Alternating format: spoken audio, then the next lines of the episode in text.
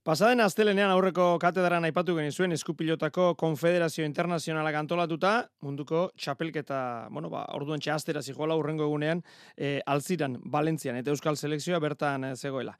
Bueno, ba, behin hori amaituta, e, laburpena eginez, emakumezkoen joko internazionalean urrezko domina lortu du Euskal Selekzioak, baita emakumezkoen frontoi Valentzia arrean ere, brontzea berriz, emakumezkoen one wallean, eta gizonezkoen frontoi Valentzia arrean urrea, eta gizonezkoen one wallean e, zilarrezko domina. Zailkapen orokorra kontutan hartuz, emakumezkoak txapeldun izan dira, eta gizonezkoak e, azpitxapeldun. Horri gehitu, ba egoitza mantegi txapelketako gizonezko jokalari honen izendatu dutela, eta naroa agirre, hogeita bat e, urte zazpiko emakumezkorik e, onena.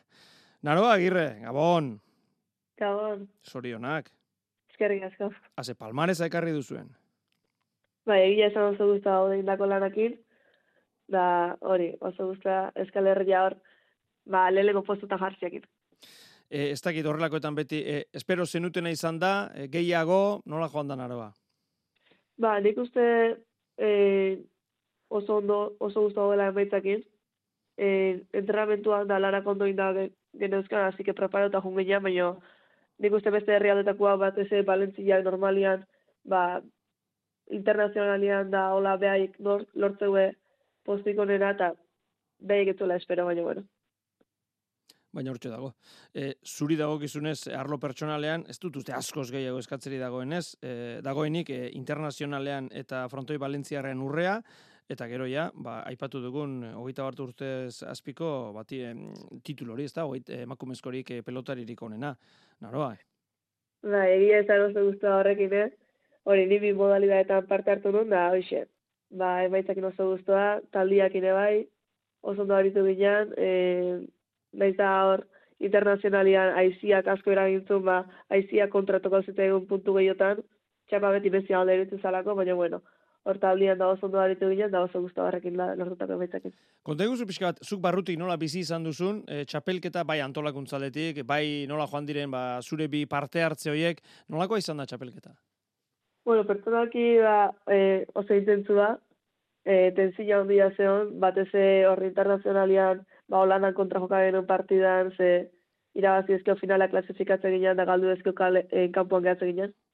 Eta, bueno, gero, e, Valentzian kontra nola behien modalidadia, o normalia behekor e, emaitza oso lortzituzte, ba, haien kontrare, ba, tentzila ondia. Da, gero ja, frontoian, ba, hor diala zeixio, e, nik uste euskaldunak beste herriadi konparautan eskaztein mutil, ba, e, oitu gaudela eta gure modalidadia hori dela.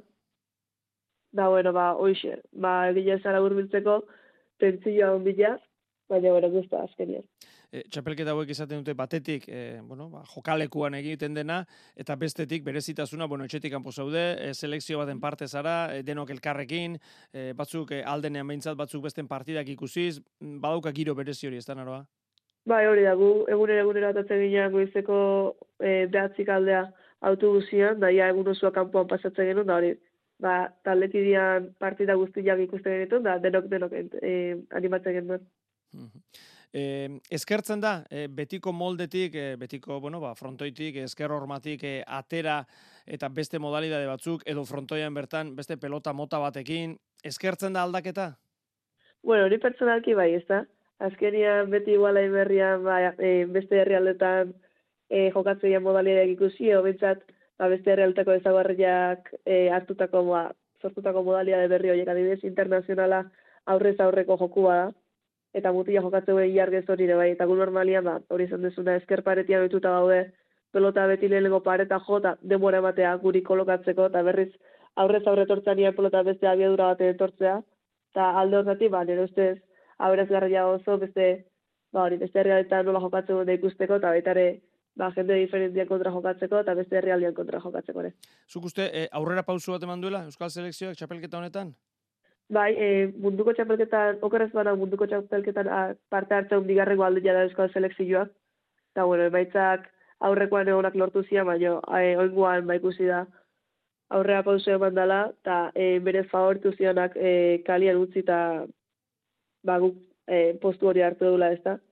Eta alde hortati, bai, izango nuke e, azkeneko mundialetiko honea, ba, e, emaitza aldetikan da baita joko aldetikan asko hobetu deula. Eta, bueno, urrena atoztenetan, e, ba, alaxe segituko. segituko. Ja, apuntatuko zenuten, urrengoak noizetan non?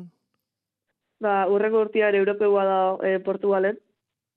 Eta e, mundiala hori, iru urtetik behin izatea, eta urrengo mundiala e, 2006an Argentinan izangoa, printzipio. Ba, bidaia, ez dira, bidaia itxuziak biak ere. Bai, lehenengo horria ikusi ber...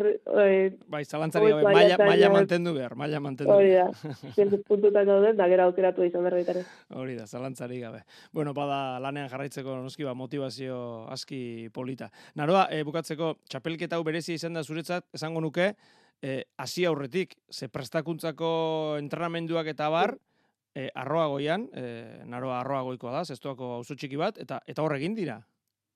Bai, egin esan, ba, hori zuk esan duzuna, azira goi hartzunen hasi ginean fronteko modalidadien ba, pelota horiekin da entrenatzen, baina, bueno, gero, ba, hemen inguruko libre zen frontoiak eta ikusi, eta neurriak eta an, antza gehiago aukiko zuen, ba, zabalera, luzera eta horiek, ba, neurriak kontuan hartuta, ba, azkenean arruan entrenatzen ebilega, eta, bueno, ba, horrek, ba, berezitasuna, oneretzako pertsonaki, ba, posta ondila bandit.